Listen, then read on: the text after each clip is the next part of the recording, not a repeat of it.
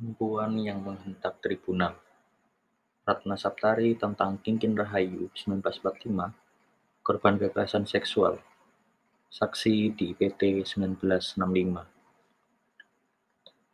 Wajah Kingkin yang bertubuh kecil, ceria, penuh humor dan berapi-api, dapat berubah penuh luka emosional dan syarat beban sejarah. Ia menjadi perhatian publik ketika berperan sebagai penyintas saat International People's Tribunal 1965 berlangsung.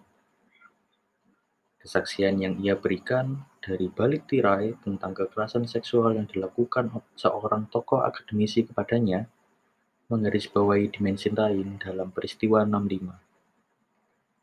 Bukan hanya kasus penghilangan paksa, pembunuhan atau siksaan, dan lain-lain yang menjadi bagian dari dakwaan, tapi juga pemerkosaan dan kekerasan seksual.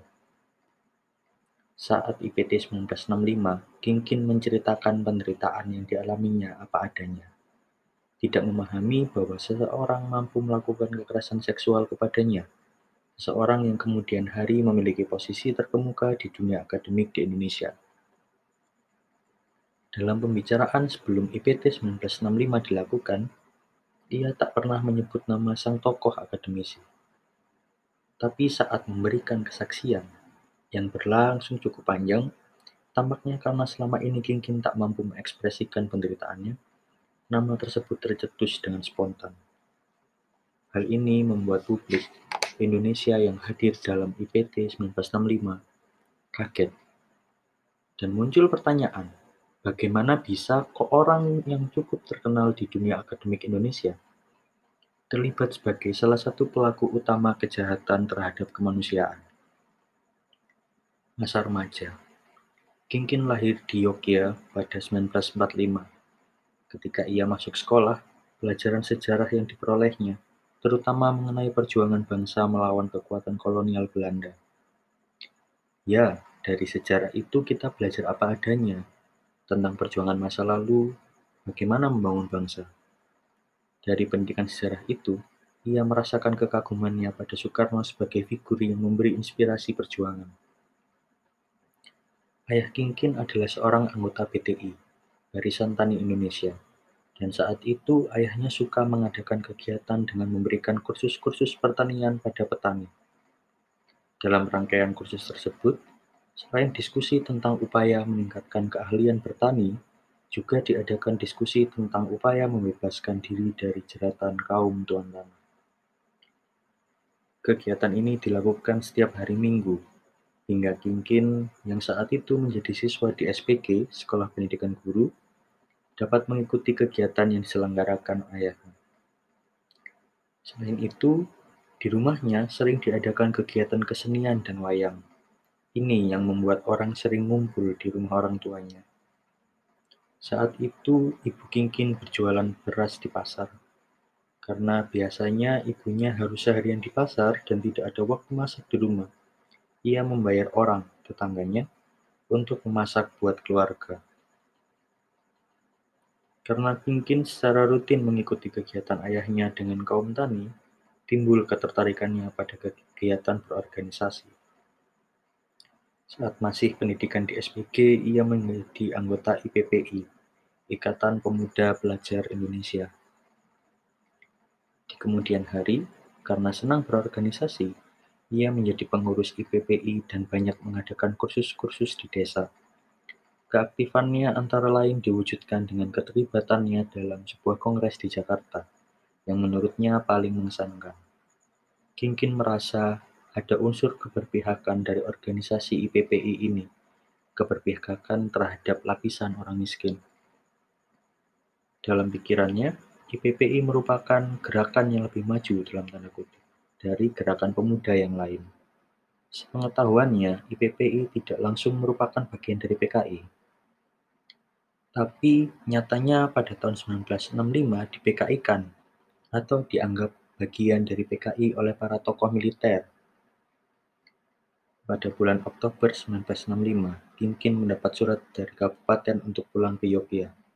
Saat itu ia tidak menggubris dan berada di sekolahnya di Nyempak, Sleman. Dia tetap tinggal di sebuah pondokan di dekat sekolahnya. Saat itu sebetulnya dia sudah tidak ikut kegiatan organisasi karena sibuk dengan sekolah. Sekitar bulan Desember, Kinkin beberapa kali dapat panggilan dari kabupaten. Setelah panggilan ketiga, pada suatu pagi ia diparani, didatangi dalam tanda kurung lurah untuk kembali ke Yogyakarta. Sebetulnya lurah ini orang orangnya baik, jelasnya. Sampai di Yogyakarta, ia langsung dibawa ke Cebongan, ke kamp tahanan. Dia ditahan sampai April 1966. Ayahnya juga diambil dan ia tak pernah melihatnya lagi. Setelah keluar dari kamp tahanan, Kinkin berniat kembali hidup normal dalam tanda kutip dan kembali kuliah. Berbekal surat yang ditulis oleh seorang Romo dari Realino, Kinkin akhirnya dapat melanjutkan sekolahnya di IKIP. Dan seperti yang juga ia ceritakan dalam kesaksiannya di IPT 1965, lihat buku laporan akhir Pengadilan Rakyat Internasional 1965, Kinkin menyelesaikan pendidikan sekolahnya dan berhasil menjadi guru. Namun pada 1968, Kinkin kembali diciduk. Ia dituduh melakukan gerilya politik dan membantu orang-orang PKI. Dalam interogasi, tuduhan tersebut terus-menerus diulang, padahal ia pun selalu menjawab bahwa dia tidak ada waktu untuk melakukan apa yang dinamakan gerilya politik dalam tanda kutip karena dia harus mengurus adiknya dan mencari nafkah, berhubung bapaknya ditahan dan ibunya kesulitan. Apa pun jawaban yang ia lontarkan, Kinkin tetap ditangkap dan diperiksa, untuk akhirnya ditahan selama 10 tahun. Mula-mula di Wirogunan dan kemudian dipindahkan ke Pelantungan tanpa proses hukum dan baru keluar pada tahun 1978. Keterlibatan untuk jadi saksi di IPT. Permintaan agar Kinkin bersedia menjadi saksi dalam IPT 1965 datang dari Komnas Perempuan. Mengaku deg-degan, akhirnya ia mau juga. Dia merasa menjawab seadanya tentang penderitaan yang dialaminya. Dan sampai sekarang pun masih tidak mengerti alasan ia ditahan dan harus melalui penderitaan tersebut. Tapi dia senang ber bisa bertemu dengan berbagai orang yang bisa mendengarkan ceritanya walaupun ia tidak tahu apa yang akan terjadi kemudian sebagai hasil tribunal ini. Catatan ini diambil dari buku dari Beranda Tribunal, Bunga Rampai Kisah Relawan, halaman 13 sampai 16.